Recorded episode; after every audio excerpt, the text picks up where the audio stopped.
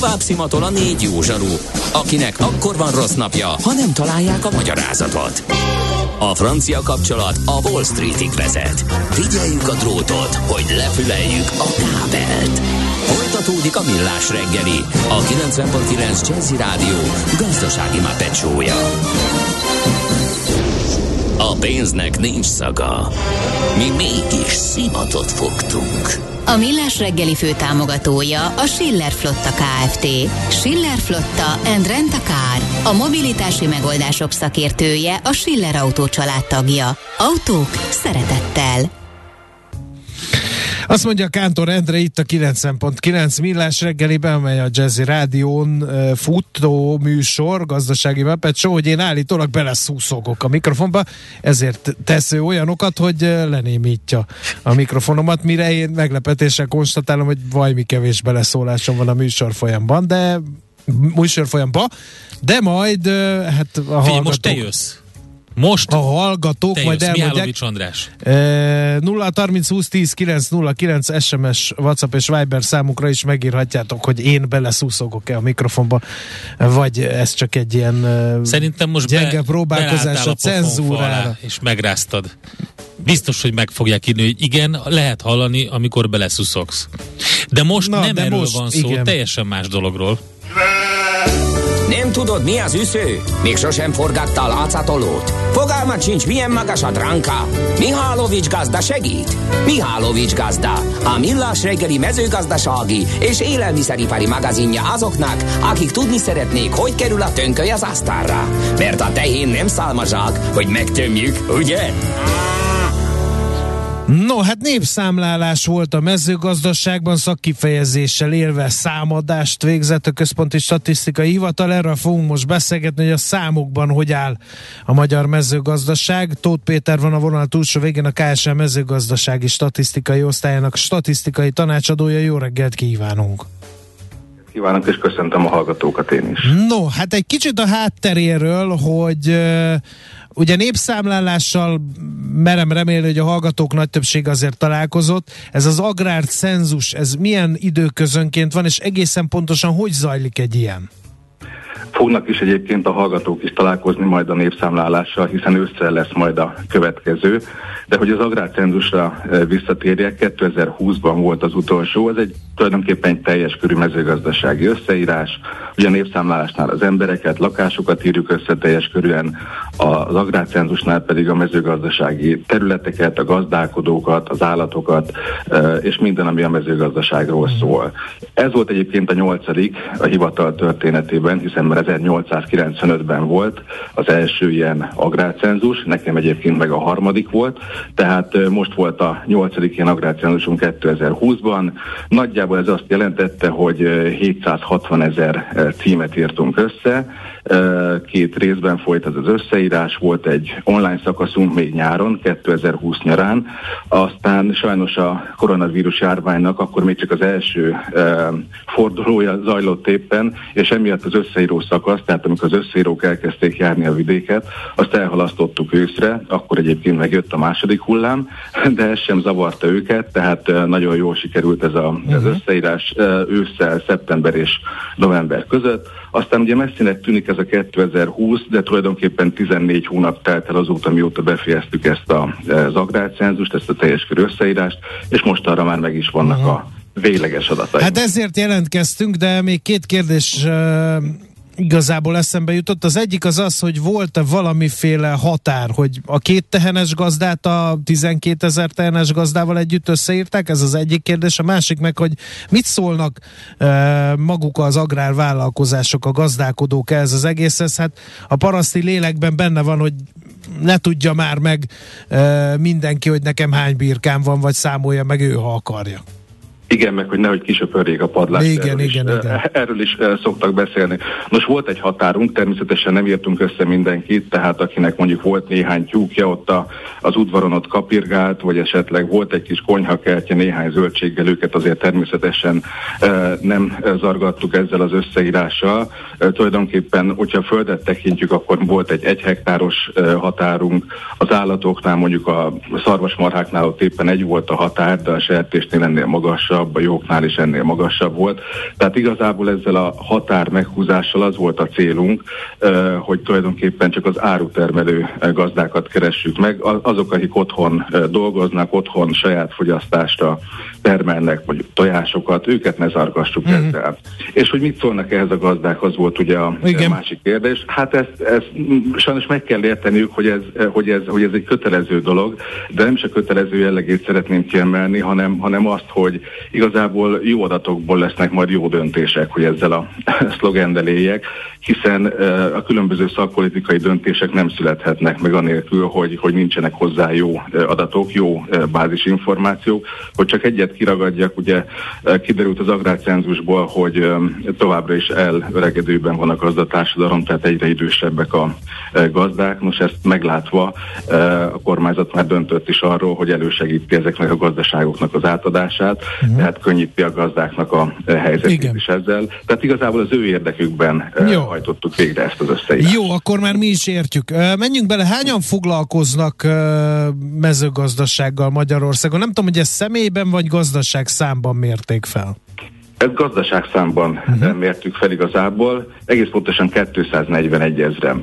Most ez egy, mm, ez egy, ez egy adat, de hogyha ez, ehhez mellé, mellé tesszük azt, hogy mondjuk 10 évvel ezelőtt ez még közel 350 ezer volt, akkor az látszik, hogy itt volt egy ilyen koncentrálódás, tehát egy ilyen 30, több mint 30 százalékos visszaesés történt itt. Tehát itt egy koncentrálódás az, az folyamatos volt, de ez nem csak az elmúlt 10 évben, hanem már azt megelőzően is azt láttuk, hogy egyre kevesebben foglalkozunk foglalkoznak a mezőgazdasággal, és hogyha megnézzük még egy mondat erejéig, hogy a növénytermesztés állattenyésztésnek az aránya az hogy e, változott, akkor azt látjuk, hogy ebben a gazdaságszám csökkenésben igazából az játszott szerepet, hogy egyre kevesebben e, tartanak állatot, tehát az állattartóknak a száma uh-huh. az, az jelentősen visszaesett az elmúlt tíz évben.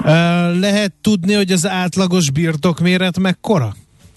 Lehet, sőt egy mediánt is fogok mondani. No, ugyanis, ugyanis a, az átlagos birtok méret az Magyarországon, hogyha mezőgazdasági területet nézzük, akkor az nagyjából 23 hektár volt. Ugye a mezőgazdasági terület alatt értjük a szántót, a gyepet, a szőlőt és a gyümölcsöst, tehát itt egy ilyen 23 hektáros átlagról beszélünk. De ugye a medián, ugye a medián az azt jelenti, hogyha sorba rakjuk emelkedő vagy csökkenő sorrendben ezeknek a gazdaságok területének a terület nagyságát, akkor kivesszük a középső értéket, és akkor az, az tulajdonképpen a medián. Most ez mindössze 2,6 hektár volt. Ez mit is jelent? Tehát a gazdálkodóknak, a gazdaságoknak a fele ennél a 2,6 hektárnál kisebb területet használt. Ez egy nagyon fontos és pontos mutató még, mert az átlagban ugye benne vannak azok is, akiknek egy hektárja van, meg benne vannak azok is, akiknek mondjuk 4357 hektárja van. Uh-huh. A termelési érték tekintetében gyanítom, hogy, hogy nem a a kicsik eh, adják a, a, a dolgot, hanem a súlypontja magának, az ágazatnak a súlypontja az a felső eh, szegmensben van. Már birtok és állatlét, birtokméret és állatlétszám tekintetében felső méretet mondtam, mondjuk. Így, így van, pontosan, tehát ez a termelési érték ez tulajdonképpen azt mutatja meg, ez egy pénzben kifejezett értéke annak, hogy 12 hónap, tehát egy év alatt mekkora volt a megtermelt különböző mezőgazdasági fő és melléktermékeknek a, az értéke, és valóban nagyjából egy, egy százalék alatti volt azoknak az aránya, akik ennek a termelési értéknek a 45%-át állították elő. Ez most egy jó bonyolult mondat volt, tehát nagyjából az 1 százalék az ugye azt jelenti, hogy a 240 ezer gazdaságból nagyjából egy olyan 230-an állították elő ennek a termelési értéknek a közel felét. Ez a termelési érték egyébként úgy néz ki, hogy nagyjából 3000 milliárd forintnyi termelési értéket állítottak elő a gazdák 2020-ban, és a nagy részét valóban azok állították elő, akik nagyok, tehát akik nagy termelési értékkel bírnak. Uh-huh. A következő, arról már beszéltünk egy fél mondatban, ez az életkor. Ez azért fontos, mert ugye tükrözi, hogy mennyire divatos szakma a mezőgazdaság, és ugye hallani mi is beszéltünk ebben a rovatban is arról, hogy nem túlságosan, a fiatalokat nem nagyon érdekli a mezőgazdaság. Ez visszaköszön a, a gazdálkodók kör is? Abszolút, abszolút ez visszaköszönt, hiszen emelkedett a, az átlag életkor a gazdálkodóknak az elmúlt tíz évben. Egész pontosan e, 58 évesek voltak a gazdák átlagosan Magyarországon 2020-ban, és itt a hölgyek és az urak között volt egy kis különbség, hiszen a hölgyek közel 60 e, évesek voltak átlagosan, míg a férfiak 57 évesek, tehát a férfiak nagyjából három évvel fiatalabbak voltak, akik a gazdaságokat uh-huh.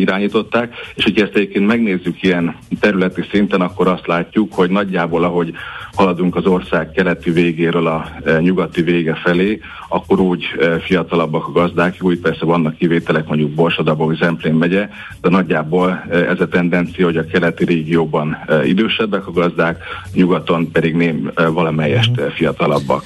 Mennyire végzettek a gazdák, mennyire iskolázottak, ezt most nem pejoratívan kérdezem, hanem azt szokták mondani, hogy az agrárgazdaság az egyik high-tech iparága az összgazdaságon belül, külföldön legalábbis így van, és hogyha high-tech iparág, ahhoz nem árt, hogyha minél magasabb fokú végzettséggel bír az, aki ezt az iparágat űzi.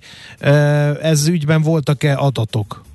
Vannak, vannak ilyen információk természetesen, hiszen ez is nagyon egy nagyon fontos mutatója az agrárium helyzetének. Itt viszont örvendetes változások történtek az elmúlt tíz évben, tehát azt láttuk, hogy egyre több a mezőgazdasági végzettséggel rendelkező gazdaságirányító. Ez úgy néz ki a számoknak a tükrében, hogy akiknek középfokú mezőgazdasági végzettsége volt, azok egy ilyen 30%-os arányt képviseltek a teljes sokaságból, hogy ezzel a statisztikai kifejezéssel éljek, 9%-uk pedig felsőfokú végzettségi volt, tehát az összesen 39%-nyi volt az, akinek legalább középfokú mezőgazdasági végzettsége volt, és hát ugye maradt 61%, ők egyébként a gyakorlati tapasztalatukra hagyatkoznak, tehát egyébként nekik nincsen mezőgazdasági végzettségük, és ami még érdekes, hogy, a, hogy az állattartóknál alacsonyabb mezőgazdasági végzettséget regisztráltunk tulajdonképpen, hiszen az állattartóknál egy 66%-os volt azoknak az aránya,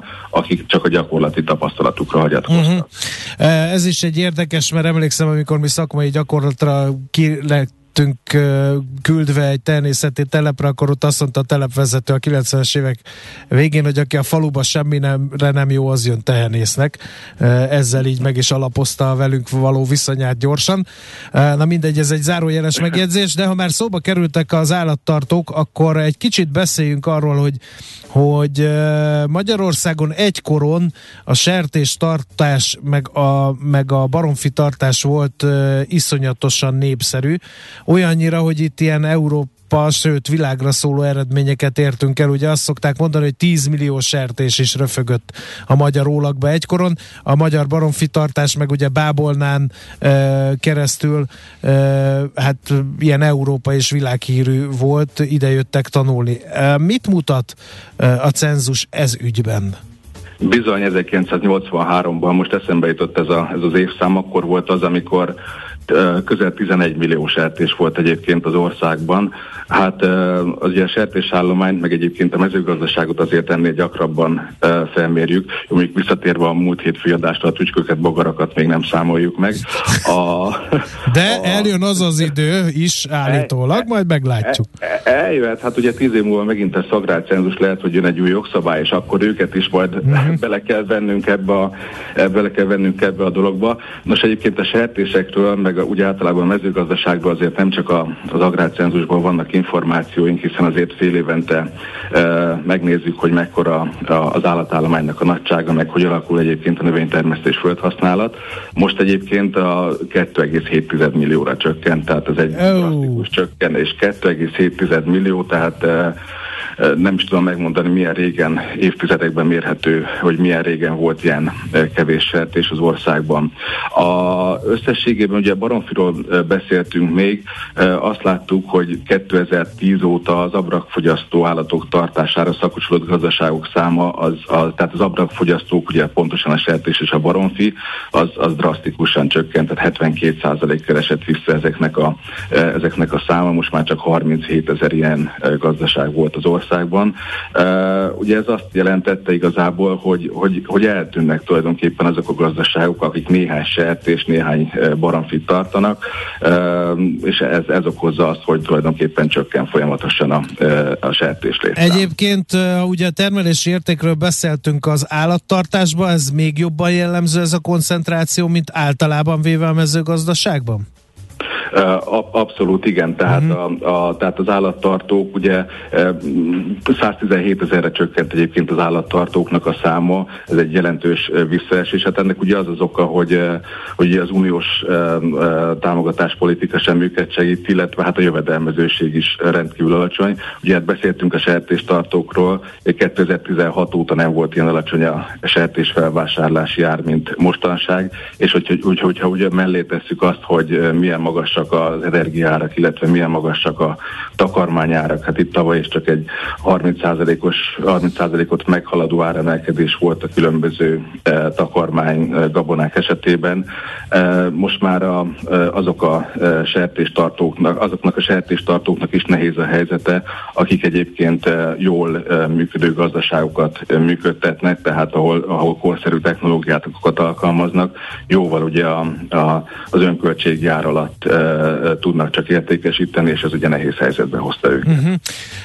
Egyébként a legnépszerűbb mezőgazdasági tevékenység a statisztikák alapján akkor megkockáztatom, hogy a szántóföldi növénytermesztés lesz, mert ebbe áramlik az Európai Unióból a legtöbb támogatás. Itt azért nem lehet a sertéstartókéhoz mérhető piaci válságokról se hallani.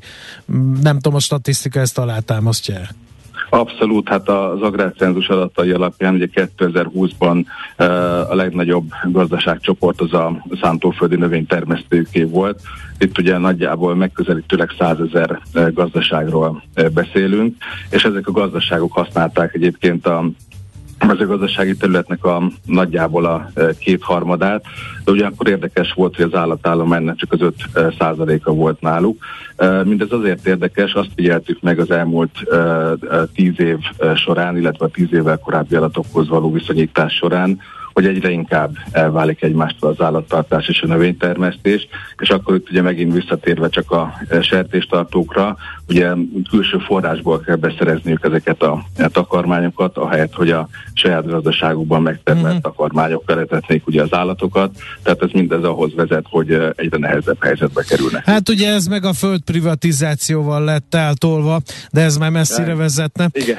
Uh, hogyan tovább? Most van egy rakat adat, gondolom ezek a fő adatok voltak, ami mi végigfutottunk, uh, ezek majd így ki lesznek fejtve, ne Isten ágazatonként, vagy, vagy fajonként, vagy növényenként, vagy hogy kell ezt elképzelni? A, abszolút eh, nagyon uh, ajánlom a uh, kedves rádióhallgatók figyelmébe a KSH-nak az oldalát, ott már megjelent négy témában elemzésünk a földhasználatról, a munkaerőről, a gazdaságok tipológiáról, állattenyésztésről, már megjelentek ilyen elemző kiadványaink, sőt egyébként az agrárcenzus arra is jó, hogy akár település szintű információkhoz is juthassunk, ehhez kapcsolódóan és különböző táblázatok, adatbázisok mhm. elérhetőek a KSH-nak az oldalán, úgyhogy abszolút én azt gondolom, hogy sikerült egy jó munícióval ellátni nem csak a döntéshozókat, akár EU-s, akár hazai szinten, hanem a gazdálkodókat is, hiszen mhm. megláthatják, hogy ők hol tartanak úgy a nagy egészhez. Na beleásom magam, hát a találunk mi is így a érdekes témákat. Nagyon szépen köszönjük a beszélgetést, nagyon tanulságos volt. Én is nagyon szépen köszönöm. Jó munkát kívánunk a viszonthallásra! Köszönöm, viszont hallásra. Tóth Péterrel a KSM mezőgazdasági statisztikai osztályának statisztikai tanácsadójával beszélgettünk, megérintette Kántor Endrét is az agrárcenzus, úgyhogy el is csitultak forradalmai, most nem némította le a mikrofonomat. Egyébként meg azt írja a hallgató, hogy, hogy kedves Endre, az legyen a legkevesebb, hogy a szuszog neked a medve, hiszen akár szét is téphetne. Igen, Vagy... teljesen igaza van. De Úgyhogy... szerintem én nem azért csitultam el, készültem a következő ja, Euréka élmény rovatunkban. Aminek ugyanis, munka címét én adtam, te pedig igen, felülbíráltad. az nem rádióképes volt, és nem szalonképes sem.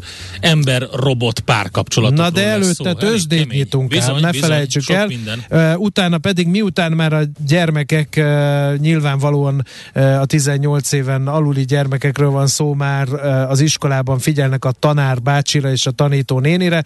Uh, mi Rabárbád jövő kutatóval beszélgethetünk az ember-robot párkapcsolatok minden pikáns részletéről is.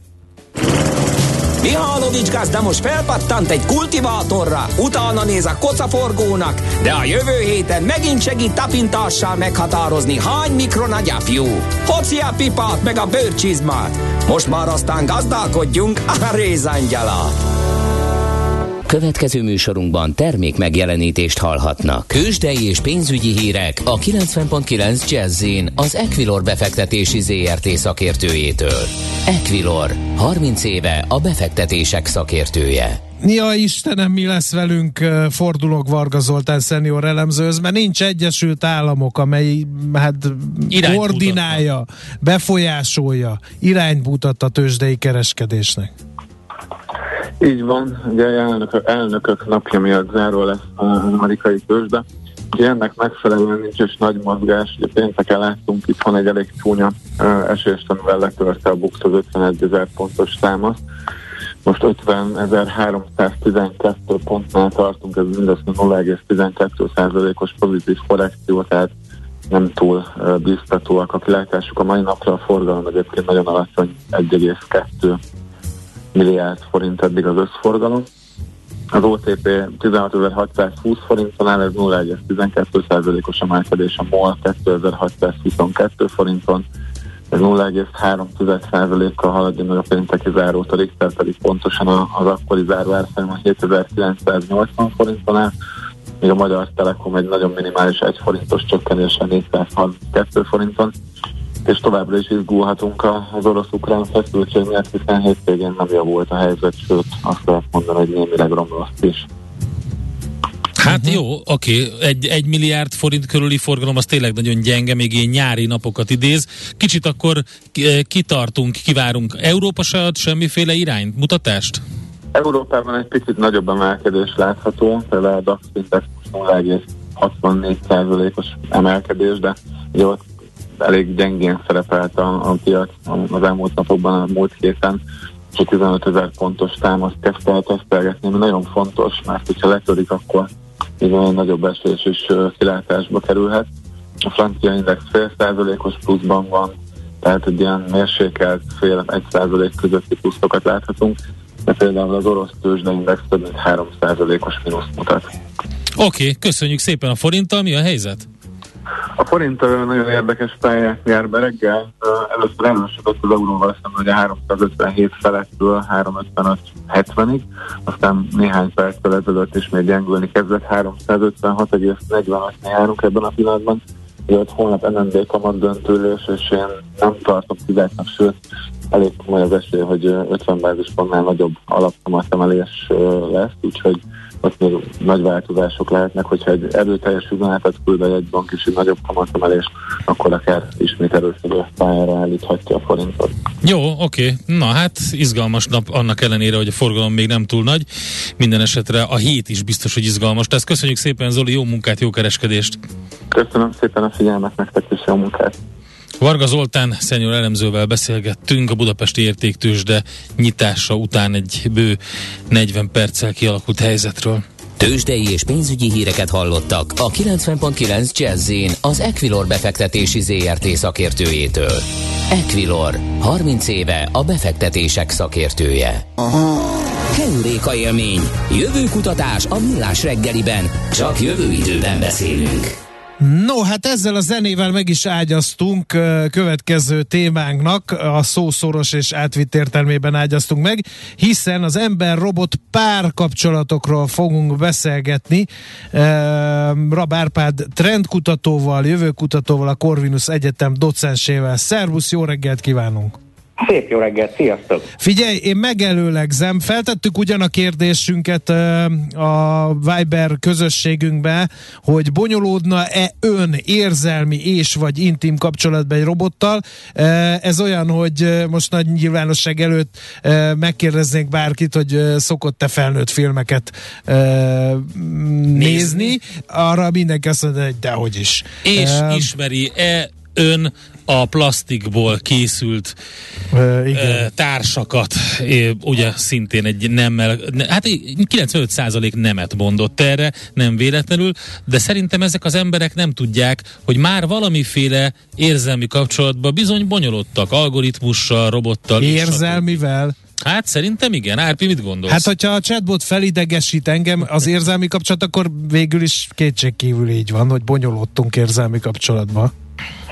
Igen, nagyon jó az észrevétel, mert hát azért, nem tudom, 7-8 féle alapérzelmet különböztetünk meg. Hát most nem akarok arról beszélni, hogy mennyi simogatjuk az okos telefonunkat, és hát végig is abban is mesterséges intelligencia van, mert tudom, hogy ezzel csak idegesíteném az embereket. De ez, ez egyébként e, pontos probléma annyiban, hogy, hogy jó elgondolkodni rajta. Amivel én most nagyon sokat foglalkozom, ez az érzelmi mesterséges intelligenciák fejlesztése, mert hogy egészségügyi alkalmazások lesznek az elsődleges területein ennek, de nyilván az üzlet is. Most mondok egy példát, összesen nem tudom, 1,6 milliárd idős lesz a Földön 2050-re, viszont nem lesz elég egészségügyi ember, aki foglalkozzon velük, és akkor ki fog beszélgetni vele, ki fog gyerekekre vigyázni, velük beszélgetni, stb. Úgyhogy az, hogy felismerje az érzelmeket, vagy hogy kezelje azt, vagy hogy a gépnek legyenek érzelmei, ezt nagyon sokan fejlesztik, és minél összetettebben fog reagálni, lehet, hogy meg fog változni az erre a kérdésre adott válasz a hallgatóság körében is. Um, de ez a legnagyobb visszatartó erő is. Én talán pont veled beszéltük, de egyébként megolvastam is erről, hogy egy autógyárban egy robotot, amikor ott szerel mellettem hegeszt, és nem is ember kinézetű, azt jobban el tudja fogadni egy ember, mint egy, mint egy ilyen kis robotot, aki odajön, pislog, mosolyog, és megsimogatja a hátamat, hogy nyugalom Szabó bácsi, nem lesz semmi baj.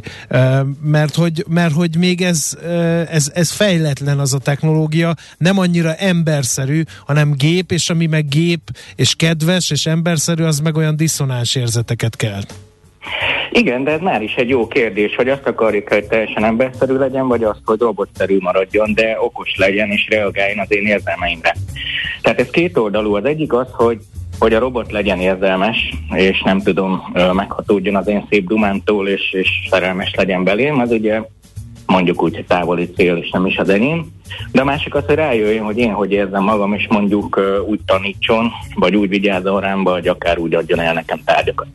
Ez két különböző út, de az, hogy, hogy engem ez azért izgat, mert, mert engem az emberek izgatnak, és ilyenkor végig azt próbáljuk leprogramozni, hogy tényleg hogy állunk egymáshoz. Ugye a testbeszéd, a, sokkal többet mondunk el a testünkkel, mint a szavainkkal sokszor. Az utóbbi évtizedben jobban közeledtünk mi a robotok gondolkodásához, mint a robotok a mi gondolkodásunkhoz. De ez változni fog, és ezt, ezt jó kitörpölni, hogy hogy működne ez jól, mit szeretnénk. Azt mondtad, hogy hogyha robotszerű és robotosan viselkedik, akkor, akkor oké, okay, akkor segítsen. Ha emberszerű, akkor miért zavar ugye az antropomorfizmus miatt, de hogy hogy lehet, hogy akkor, akkor nem kell annak lennie, bár, bár ugye...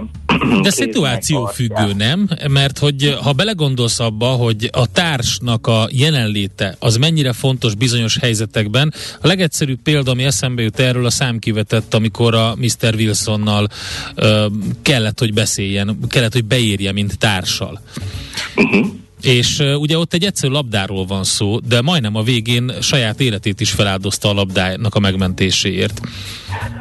Igen, ott kialakult egy jó kis érzelmi kötődés, Igen. bár az őrület enyhe csillanása is megfigyelhető. Hát nyilvánvaló, persze, de hát akkor is, tehát egy olyan helyzetben, egy extrém helyzetben volt, de neki szüksége volt egy társra. Igen, és pont erről beszélek, hogy például az egészségügyben bizonyos helyzetekben szükség lehet egy társra. Tehát, hogy könnyű azt mondani, hogy ne legyen. És félreértés ne essék, nem az emberi ápolókat, vagy a barátokat, vagy a családot akarom lecserélni. De az, hogy 24 órán keresztül ott legyen veled valaki, aki tud reagálni az alapvető érzelmeidre, és emiatt jobban működtök együtt, ez viszont egy valós kihívás. És uh, egyébként nem, nem állnak jól. Tehát én végignéztem a szakirodalmat, bocsánat, csak annyi, hogy, hogy a testbeszéd felismerése, sőt, hőkamerákat is lehet szerelni beléjük, és, és azon kívül az arckifejezések, a 70%-ban tudják belőni az érzelmeinket, az a 7-8 alapérzelme. Ennél nem lesz nagyon jobb. Uh-huh.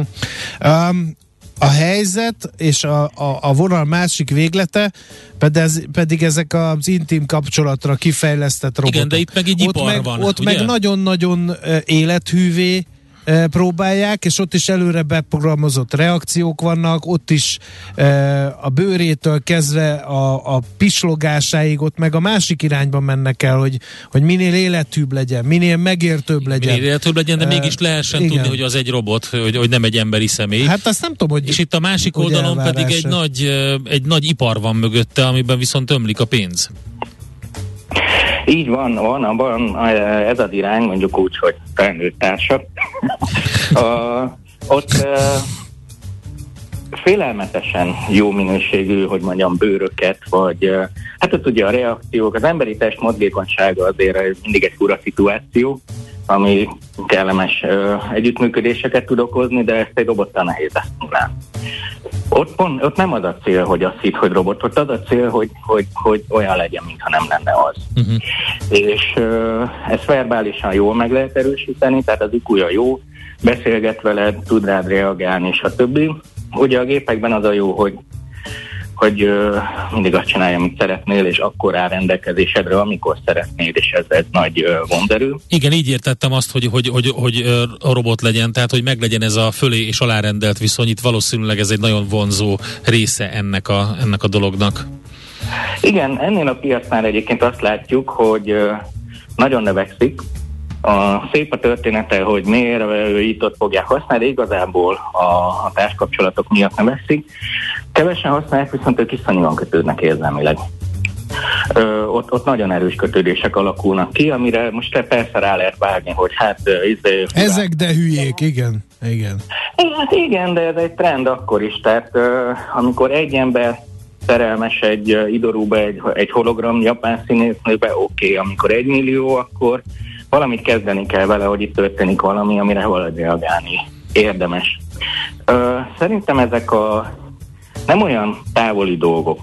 Uh, azért nem távoli dolgok, mert, mert igazából az IQ megvan hozzá, hogy gyűjtjük be az adatokat, és nagyon érdemes, érdekes ezt olvasni és látni, meg fejlesztés során ezzel dolgozni, hogy tényleg mi az, amire pozitívan reagálok. Kétdimenziós térben tök jól tudunk dolgozni, most mondok egy példát, amikor a, uh, a mondjuk egy használok, használnék társkeresőt, és az alapján jól beprofilozzák, hogy mi a kedvenc hölgyem, és majd nyilván a neten az olyan arcú hölgy fogja nekem előadni a dolgokat, és meg fogom venni. Tehát, hogy ez is végig is egy érzelmi reakció egy algoritmusra. Na de figyelj, ez veszélyes trend? Ezt azért kérdezem, mert hogy ugye mindannyian, akik voltunk párkapcsolatban, tudják, hogy a párkapcsolat az nagyon bonyolult dolog, nagyon munkás dolog. És azért lehet látni pont az általad emlegetett Japánban olyan szinten, hogy már a, a férfiak és a nők nem is akarnak egymással találkozni sem. Tehát nem fog ez egy ilyen nagyon csábító opcióvá válni szerinted, hogy hát végül is van egy robotom, ha rossz kedvű vagyok, mélyen megértő, tehát hogy olyan, olyan társat választok, ami, ami, amilyen talán nincs is. Én szerintem ez így ebben a formában nem. Az, hogy a digitális kultúra eltávolít minket egymástól, és hogy nagyon sokat más térben kommunikálunk, emiatt rosszabbak is vagyunk például a, a face-to-face kommunikációban, testbeszédben. Vagy az, hogy legyen egy érzelmi pótlékom, van egy ilyen trend, de nem hiszem, hogy ez, ez jelentene problémát, sokkal inkább más gondok okozhatják akár ezeket a eltávolodásokat a klímaváltozástól kezdve a közlekedés nehézségén át az élményiparon, tehát hogy egyszerűen elkezdenek unalmasak lenni az emberek, uh, ahelyett, amit kapok. Az üzleti szférától. Árpi, nekem az a véleményem, hogy nagyon sok skifi szerző, forgatókönyvíró feldolgozta ezt a témát, rengeteg ilyennel találkozni. Ugye maguk a, a mesterséges intelligencia um, idolok már William Gibsonnál megjelentek, akkor rengeteg film foglalkozott azzal. Szárnyas fejvadászban ugye szerelmes konkrétó az ember a, az Például, akkor itt van ez a, a Her című film, ugye a nő magyarul, amiben uh, Joaquin Phoenix, Phoenix uh, konkrétan az operációs rendszerbe szeret bele. Oké, okay, uh, Scarlett Johansson a hangja. Akkor nézzük meg például az... segít egy kicsit. Nézzük meg például az Ex Machina című igen. filmet uh, a Netflixen meg lehet nézni. Vagy hát itt egy... a, igen, vagy itt a Farkasok gyermeke, ami, ami ugye, ami, ahol androidok nevelnek. Tehát, hogy feszegeti gyerekeket. a filmipar ezt, ezt, ezt a témát. Igen, a filmipar ugye feszegeti, én ennél egy unalmasabb szintnél vagyok. Én azon vagyok, hogy mondjuk uh, enyhe autista gyerekeket úgy egy jó olyan a óvónő mellé egy olyan robotot tenni, hogy a robot nem unja meg négyezerszer ugyanazon a hangszínen mondani, viszont egy másik gyereket meg ezzel őrületbe lehet kergetni. Uh-huh. A, a, vagy az, hogy például uh, nyugalmat szeretnék mondjuk robot, most ilyen robotzsaruk lesznek az utcán, és akkor tudják megkülönböztetni azt, hogy most egy kisgyerek játszik és fut felé és ordibálja egy támadás, és milyen jó lenne, ha őt nem lőné le. Uh-huh. De lehet, hogy a másik meg síri csöndbe megy felé, de hallott sápatra van fehéredve, mert épp van, ami terrorakcióra készül. Tehát, hogy uh, ilyeneknek a felmérése izgi, csak az az igazság, hogy uh, uh, akkor lesz az igazán jó, amikor az emberen túli szerveket betesztük, például a, a hőkamerás érzékelést, vagy hát 2050-re úgyis tele leszünk testre erősített szenzorokkal, és akkor azoknak az adataival. Csak hát az De közben dolgoznak ezen a, úgynevezett emocionális gépi intelligencián is erősen, és bár ugye ez a felismerés ez még, ez még nem tartott, de annyi adatot gyűjt, tehát annyi, annyival hatványozottan több adatot gyűjt be mindenkiről mondjuk egy algoritmus, vagy annyit lehet programozni bele, vagy, vagy annyival lehet megismertetni, hogy előbb-utóbb nagyon sok adata lesz arról, hogy mi mit csinálunk és hogyan. Én csak azért hoztam be a filmipart, mert hogy mintha mindig egy picit előrébb lennének. Tehát ez a japán uh-huh. szituáció megvalósult, ami a 80-as években a William Gibson könyvekben még csak egy ilyen, hát egy ilyen skifi volt.